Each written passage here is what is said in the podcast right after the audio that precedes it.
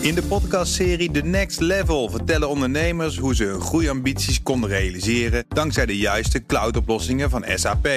Wat waren de uitdagingen, de oplossingen en hoe ging de uiteindelijke implementatie? Benieuwd naar hun verhalen en hoe zij met behulp van SAP ook hun toekomstige ambities kunnen behalen? Luister de podcast The Next Level via de BNR-app of je favoriete podcast-app.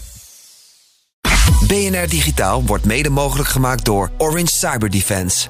Orange Cyber Defense. Build a safer digital society. Blijf scherp. BNR Nieuwsradio. Digitaal. Herbert Blankenstein. Welkom bij BNR Digitaal. De nieuwe regels die techbedrijven in Europa opgelegd krijgen gaan niet ver genoeg. Dat vinden de Europese privacy-toezichthouders. Ze hebben ze onlangs bekendgemaakt. Ze pleiten voor een eind aan persoonlijke advertenties op internet. De nieuwe Europese wetten DMA en DSA vinden ze onvoldoende helpen. Onder andere omdat die strijdig zouden zijn met de bekende privacywet AVG. Dat gaan we bespreken met Jasper Bakker, ICT-journalist bij AG Connect. Welkom Jasper. Dankjewel.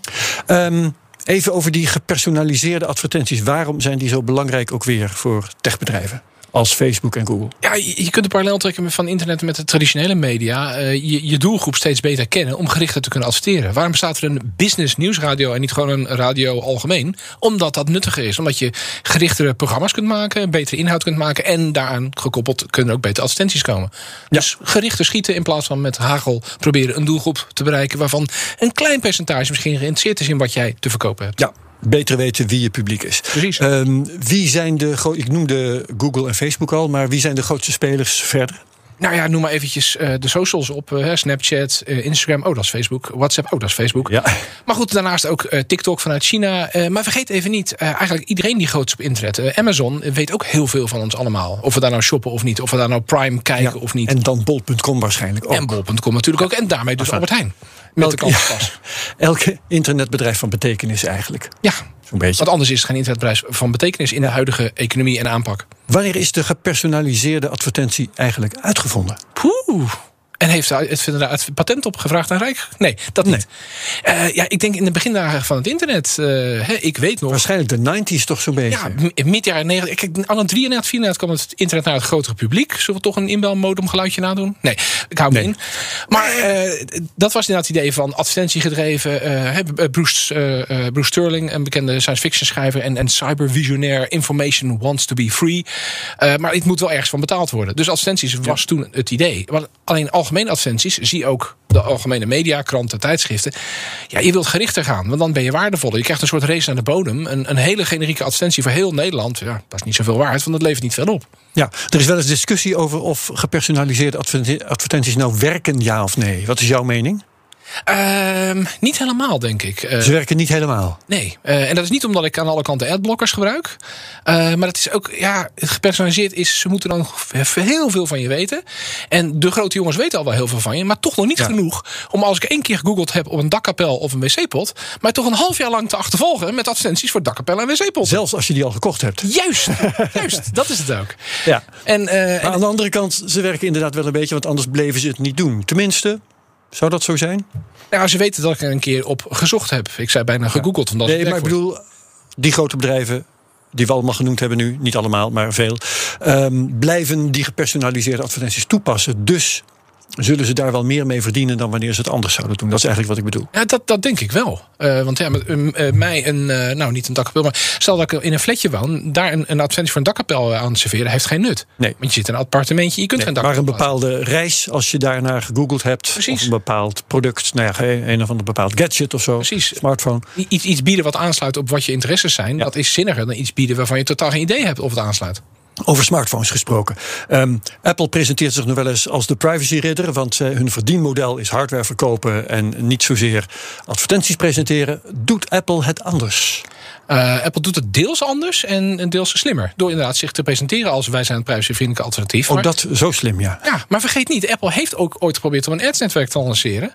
Wat dan wat privacyvriendelijker zou zijn dan zoals het er is van Google. Maar dan nog, het is ook een ads-netwerk. En ads zullen, ja, ik zou bijna niet zeggen per definitie, maar vroeg of laat ga je met advertenties toch wat gerichter te werk, omdat dat zinniger ja. is. Nou ja, Gewoon return on eh, investment. Apple heeft onlangs zijn privacyregels op de iPhone eh, veranderd, apps. scherper gemaakt. Ehm, dat heeft nogal gevolgen gehad. Kun je dat uitleggen? Ja, eh, als gebruiker krijg je nu de keuze voor een app. Ga ik opt-in, dat de app mij mag volgen.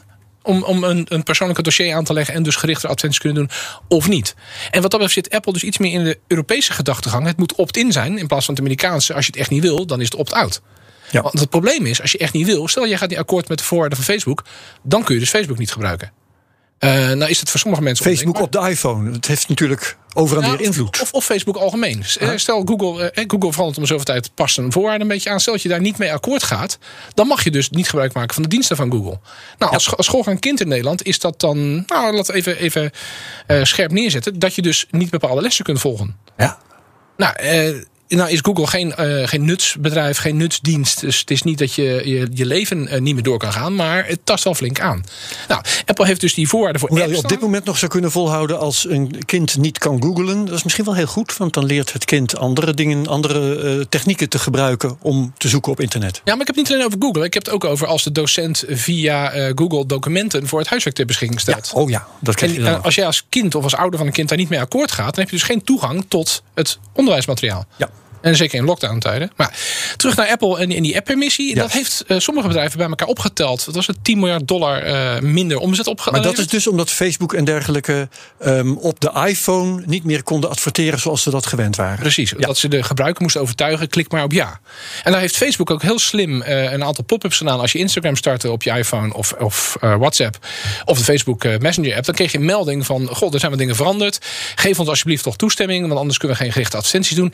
En daar zat ook een beetje bij eh, deze fantastische gratis app waar je gebruik van maakt. Die zou dan misschien niet meer gratis kunnen zijn. En dat is een beetje als: eh, goh, eh, leuke winkel, eh, leuke knieschijf heb je daar. Zou jammer zijn als er iets mee gebeurt. en willen wij betalen voor Instagram op een iPhone of op WhatsApp op een iPhone? Zou je daar 1 euro Dat zou een interessant over experiment zijn, maar daar kunnen Ja. we nu geen uitspraak over doen. Ehm, maar dat zijn de gevolgen van, ja, ik zou, bijna zeggen, een specifiek verbod eh, eh, op persoonlijk adverteren, namelijk Apple. Ja. Werpt daar een barrière tegenop. Wat zouden de gevolgen zijn van een algemeen verbod op gepersonaliseerde advertenties, dat uit zou kunnen gaan van de Europese wetgeving? Ja, dan, dan wordt het heel interessant. Eh, dan, je hebt het over een Europees verbod. Dan zou het dus kunnen zijn dat Amerikaanse bedrijven zien van, nou ja, in dat gebied kan ik niet meer zaken doen zoals ik gewend ben. Dus ik ga geen zaken meer doen. Want dit tast mijn winst en mijn verdienmodel dermate aan. En dat is door bijvoorbeeld Facebook al eens eerder ge- gehint van goh, dat, eh, dan zijn jullie minder aantrekkelijk. Eh, of dat dan echt tot concreet komt van Facebook gaat niet meer actief zijn in Europa. Het is toch een grote markt. Het is een interessante markt. Ja. Alleen zijn we groot en interessant genoeg. Of ga je dan krijgen wat we met de AVG ook gezien hebben. Er gaan wat aanpassingen gedaan worden voor dat gekke Europa. Waar we toch anders moeten opereren dan we normaal vinden. Dat, gekke Europa zeg je. Hoe zit het in Amerika? Eh, ontstaat daar ook die weerstand misschien dan wat minder dan hier, maar toch dan ook? Nou, geleidelijk aan wel, ja. Ik, ik, ik heb gezien, jaren terug, en jij ook natuurlijk, dat Europa en Amerika hebben een fundamenteel andere kijk op privacy. In Amerika gaat het veel meer om het individu en vrijheid. En als je iets niet wil, dan moet je daar zelf wat aan doen. En als je iets wel wil, moet je er ook zelf voor vechten. Eh, de American Dream, om het even parafraseren. En in Europa is het, je hebt bepaalde rechten. En als een Facebook of een Google jouw data wil vergaren, dan moeten ze dat wel doen met respecteer- respect voor jouw rechten. Dus jouw privacy. eh, en om toestemming vragen, een opt-in in plaats van opt-out, et cetera. Amerika ligt hoe dan ook dus achter Ja. op dit gebied. Maar Amerika is wel, zeker vanuit linkse hoek, zijn daar toch meer eh, signalen. Californië is een van de staten waar al een AVG-achtige wetgeving van, van toepassing is. Californië, waar Silicon Valley zit. Dus ja, eh, dicht op het vuur zitten heeft dus niet alleen maar verwarmd effect, maar ook wel een, een besef van er moet misschien iets anders mee omgegaan worden. Er is nog lang geen eh, wet tegen gepersonaliseerde advertenties. Er is alleen een, eh, een beweging op gang aan het komen in Europa. Ehm, stel dat die er wel zou komen, kunnen techbedrijven daar dan nog omheen op een of andere manier? eh, Of, of vast wel, vast wel. Ik bedoel, dat ze eh, er, er kan in de technieken verzinnen of andere trucjes ja, er kan in de tussentijd de natuurlijk letter van de wet te voldoen? maar niet aan de spirit, precies. En er kan intussen natuurlijk nog gelobbyd worden. Weet je, hoe je een wet formuleert eh, en hoe je een wet bijstelt en hoe je een wet uiteindelijk uitvoert, dat zijn ook allemaal verschillen. Eh, dus ja, dit, dit gaat nog jaren duren. En of het echt tot een keihard verbod komt op gepersonaliseerde advertenties, dat is maar de vraag. Ja. Want er is natuurlijk heel veel geld mee gemoeid. Zeer zeker. Ehm, zoals ik in de inleiding al zei, er zijn intussen andere wetten eh, die al in de pijplijn zitten. De DH Digital Services Act en de DMA Digital Marketing Act. Ja. Europese wetten, wetsvoorstellen. Ja. Waar de eh, ministers van Economische Zaken van de lidstaten het afgelopen vrijdag over eens zijn geworden. Ehm, Kun je uitleggen wat er in die wetten uh, is geformuleerd? Wat staat ons te wachten? Nou, grofweg, ik heb wat analyses erbij gepakt. Uh, grofweg is het een, een, voortzetting van de, van de AVG. Uh, GDPR op zijn, op zijn Engels. en, en deels is het verfijning en, en aanpakken van tekortkomingen. En, en een groot struikelblok bij AVG is gebleken in de praktijk... dat de handhaving daarvan is aan het land... waar het Europese hoofdkwartier van een extern oh ja. zit. En dat is van Ierland in de meeste Dat is Ierland. Ja. Nou, en die eerste toezicht, privacy toezichthouder is klein en heeft weinig budget. Onderbemand. Ja. Onderbemand, et cetera.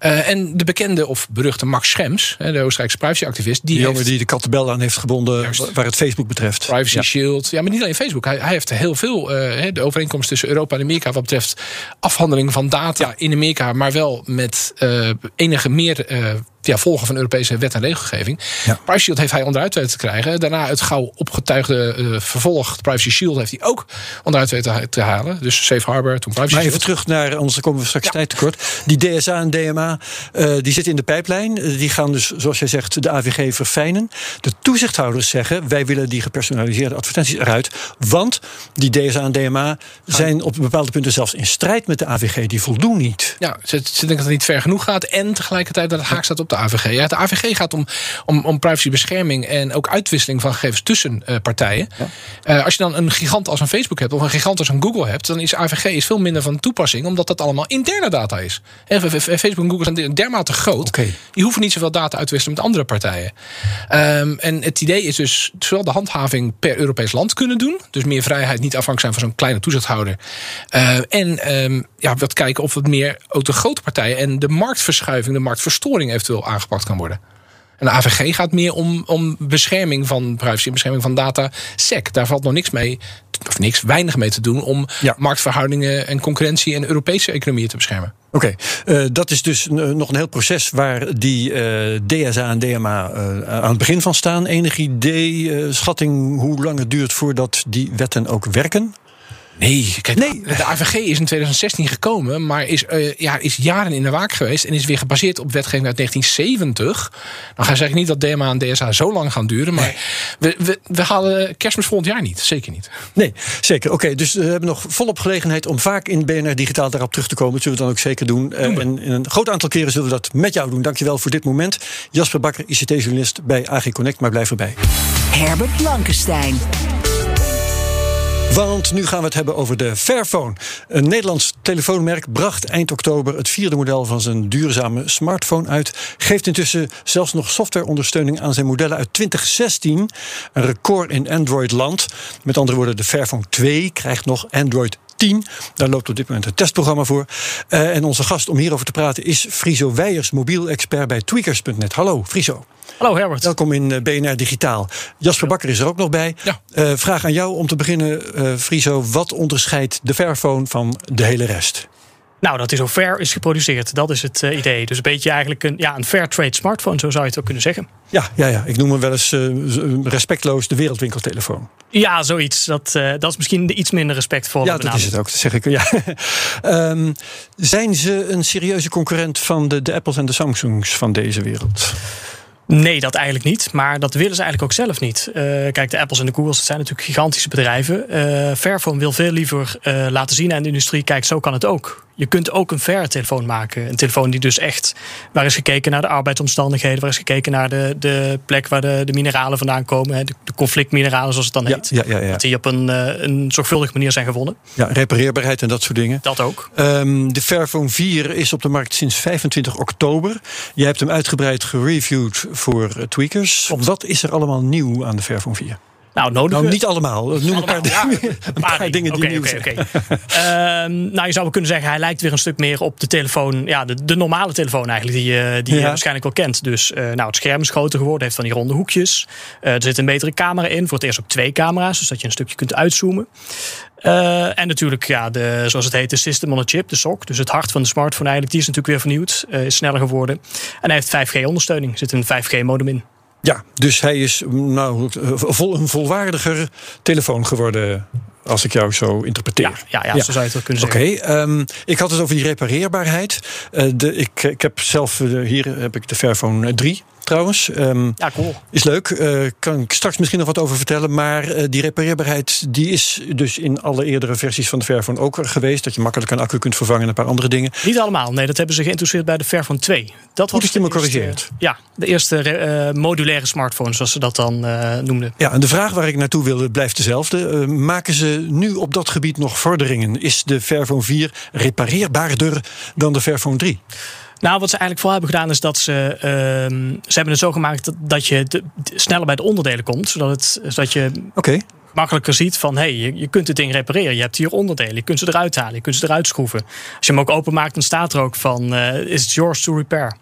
Ja, maar je kunt er dus makkelijker bij. Jasper. Ja, wat dat heeft duurzaamheid natuurlijk ook een aantal verschillende componenten. Jij noemde al even van uh, waar komen de materialen vandaan, conflict minerals, et cetera. Mhm. Of is een phone makkelijk te repareren of is een telefoon makkelijk te upgraden? Dat zijn, nou, dan komen we op drie verschillende elementen van duurzaamheid. Ja.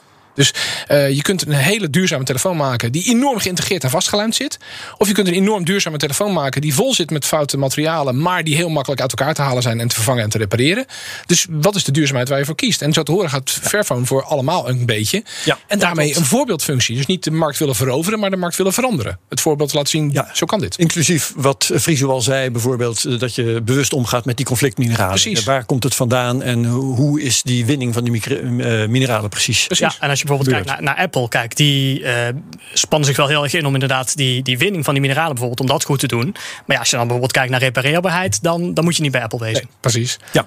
Um, als je dan kijkt uh, naar eh, het, het, eindproduct, zo'n Fairphone 4, um, ehm, hoe beoordeel jij die dan in vergelijking met wat er verder op de markt is? Nou, dat is lastig, maar het is misschien wel zo dat je nu voor het eerst kunt zeggen dat het ja, min of meer een normale smartphone is. Het is, het is niet meer zijn eigen categorie eigenlijk. Van dat je kunt zeggen van ja, dit is zo bijzonder. Dit kun je eigenlijk nergens Maar dat betekent dus ook dat jij als recensent genadeloos um, legt naast de, nou ja, de beste iPhone of zo en zegt van nou, uh, hier deugt niks van. Dat uh, valt gelukkig wel mee. Nee, ik, uh, nou, bijvoorbeeld laten we een voorbeeld noemen, de cameratest die ik altijd doe.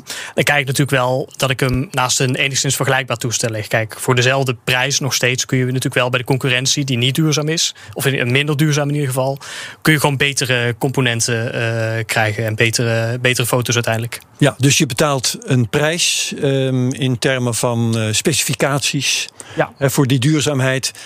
dat betekent dat je voor dezelfde prijs mindere specificaties hebt. Of voor dezelfde specificaties een hogere prijs. Precies dat, ja. Ja, maar dat is, dat is de keuze. Hè? Dat is ook jarenlang kritiek geweest op Apple, uh, met name bij Macs. Als je gaat voor Mac, ja, dan heb je slechte webcam. Dan heb je een Intel-chip van de vorige of de eervorige generatie. Maar dat is een keuze die je maakt omdat je het Mac-ecosysteem wilt. Of omdat je het macOS wilt. Of omdat je, kijk, mijn shine met mijn Apple-logo. Het is tegenwoordig niet meer verlicht, maar goed. Ja. En hetzelfde geldt voor Fairphone en voor duurzaamheid. Als je daarvoor kiest, dan betaal je een prijs. Of in euro's, of in... Ik heb nu een dubbele camera waar elke eh, Apple-fanboy zou zeggen... ik heb al sinds de iPhone 11 dubbele camera's, of wat was het? Ja, heel lang al in elk geval. Ja, 7, 8, volgens mij ja. 7. En dan kom je ook aan de standaard tussen Android en iOS. Waar Apple op een gegeven moment kwam met, met een high-res scherm. Konden, Apple, eh, konden Android fanboys ook zeggen van... joh, maar eh, de, het Pixel toestel van twee jaar terug had dat al. Weet je? Dus ja, gaat het om de specs? No offense to tweakers. Maar of gaat het nou om ja, dat, dat, wil ik, dat wil ik Friso eigenlijk voorhouden. Eh, jouw, jouw recensie uh, was uh, heel duidelijk gericht op het tweakers publiek, hè, dat heel erg uh, geïnteresseerd is in die specs. Mm -hmm. um, Terwijl ik als uh, uh, toch betrekkelijke leek vergeleken met het tweakerspubliek denk ik, denk, ja, wat kan er nu op dit moment belangrijker zijn dan duurzaamheid? We willen toch dat die wereld een beetje blijft zoals die is, in plaats van dat we hem kapot maken. Ja, dat zie ik wel heel erg bij de reacties onder mijn review. mensen waren echt van, ja, waarom testen jullie al deze ja, de scherm na scherm na scherm? Het ja, ja, bracht toch al wat teweeg. Hm, zeker. Ja. Ja, dus uh, wat dat betreft denk ik ook voor ons uh, natuurlijk als, als recensenten hè, wel een, een, een, impuls om te kijken naar hoe kunnen we de reviews ook gewoon beter maken. Hoe kunnen we kijken dat we inderdaad uh, andere fabrikanten ook vragen gaan stellen van hè, hoe, ja. hoe is jullie telefoon nou geproduceerd? Hoe, is, hoe repareerbaar is jullie telefoon? En Fairphone heeft wel invloed op de markt zo langzamerhand hè? Kun je daar iets van? Of zou, zou je kunnen zeggen, nee, enerzijds nee. wel, anderzijds niet. Nou ja, kijk, uh, Fairphone is natuurlijk maar een hele kleine partij. Dus in die zin, het is altijd een beetje koffiedik Ze zeggen zelf, dat... wij uh, zorgen ervoor dat andere telefoonmakers tegenwoordig beter opletten. Nou, ze laten in ieder geval zien hoe het kan. Ja, zoals ik al zei. Uh, Je ziet wel dat telefoons in de afgelopen uh, 15 jaar juist minder repareerbaar zijn geworden. Uh, bijvoorbeeld, nou, vroeger kon je nog vaak de, de, achterkant open doen, de accu eruit halen. Kan tegenwoordig niet meer. Alles zit helemaal dichtgelijmd. Maar je ziet nu ook dat overheden wel gaan kijken van... hey, moeten we dit niet, moeten we hier niet eisen regels aan stellen? Dat de telefoons toch repareerbaarder worden. Dat, ze, dat reserveonderdelen beschikbaar blijven. Dat updates, software-updates voor een aantal jaar gegarandeerd blijven. En daar hebben, want um, een van de interessante projecten van Fairphone is nu dat ze uh, de Fairphone 2, dus twee versies terug, dat ze die nog eens een keertje gaan helpen aan Android 10. Dus dat betekent dat al zes jaar straks die Fairphone 2 aan de praat wordt gehouden. Um, ja, waarom doen ze dat? Ze benadelen zichzelf natuurlijk. Met, eh, niemand koopt die Fairphone 4, want iedereen kan met zijn Fairphone 2 nog lekker aan de slag. Nou, ze willen zich natuurlijk onderscheiden door te laten zien. Hè, ja, weer hetzelfde. Van ze willen laten zien, zo kan het ook. Ja. Het is wel dus uh, echt iets wat zij doen en wat zij, waar zij ook uh, de support van externe ontwikkelaars bij nodig hebben. Want het is gewoon zo, kijk, die componenten die in een smartphone zitten, dus die SoC bijvoorbeeld, op een gegeven moment houdt de driver ondersteuning gewoon op. En dan kun je als fabrikant heel veel moeite doen moet je heel veel moeite doen om die software nog, uh, nog up-to-date te houden. Ja, um, en uh, lukt, lukt ze dat goed, denk je? Er is een beta-programma op dit moment. Krijgen ze die, en, want dat is technisch nog best een hexatour, mm. krijgen ze die Android 10 draaiend op die Fairphone 2? Dat denk ik wel met die, met die externe ondersteuning. En uh, ja, kijk, sowieso, Android 10 is nu al ook niet de nieuwste versie meer. Sterker nog, we zitten nu al op Android 12 op de nieuwste versie. Precies. Ja, ja, je ziet ook wel, hè, naarmate dus die, die, die support van die andere leveranciers afloopt, dat het bij Fairphone ook steeds langer duurt voordat er weer een nieuwe versie is. Ja, um, goed. Uh, gaan, gaan, gaan de grote telefoonmakers op den duur luisteren, denk je? Ik hoop het wel. Het is een zeer interessant concept. En, en ook voor de tweaker, ook voor degene die juist interesse heeft om eventjes een, een component te wisselen. Of juist niet te tweaken. Ik bedoel, als jij je telefoon kapot laat vallen, nou ja, dan heb je pech bij de meeste fabrikanten. Ja. Moet je naar het reparatiecentrum bij de Fairphone. Kun je gewoon een nieuw scherm kopen, zet je het erop, ja. één uurtje klaar. Ja. En, en, en Jasper, ja? Het kan op een gegeven moment ook gewoon uh, bot vanuit marketing komen. Uh, we hebben een trend gehad van, uh, kijk, mijn, mijn phone is dunner dan jouw phone. Oeh, ik wil die dunne, ik wil die nog dunnere. Mm. Op een gegeven moment is het zo dun dat het er niet meer toe doet. Of dat het zelfs onhandig wordt. denk aan ik vind dat trouwens een selling point van mijn Fairphone, dat die lekker dik is. Precies, een goede je kunt het tenminste gewoon vasthouden. Kijk, mm. precies. Nou, ja. en dat dan nog gekoppeld aan duurzaam, wat steeds meer aandacht krijgt. Ik bedoel, Apple is nu ook met zijn MacBooks naar meer repareerbaar, minder lijm. Microsoft met zijn Surface, ook met het oog op de zakelijke markt, repareerbaarheid, dus eh, als je je dun, dunne dunst niet meer als, als unique selling point hebt, of het is niet meer zinnig. Dankjewel. Ja. Jasper Bakker, journalist bij AG Connect. En Friso Weijers, mobile expert bij Tweakers. Tot zover BNR Digitaal. Je kunt het programma terugluisteren via bnr.nl, onze app of wat je ook maar gebruikt om podcast te beluisteren. En dan vind je ook de andere podcasts waar ik bij betrokken ben. Dat zijn de Cryptocast, de Technoloog en Space Cowboys. Wat BNR Digitaal betreft, heel graag tot volgende week. Dag. BNR Digitaal wordt mede mogelijk gemaakt door Orange Cyber Defense. Orange Cyber Defense. Build a safer digital society. In de podcastserie The Next Level vertellen ondernemers hoe ze hun groeiambities konden realiseren dankzij de juiste cloudoplossingen van SAP. Wat waren de uitdagingen, de oplossingen en hoe ging de uiteindelijke implementatie? Benieuwd naar hun verhalen en hoe zij met behulp van SAP ook hun toekomstige ambities kunnen behalen? Luister de podcast The Next Level via de BNR-app of je favoriete podcast-app.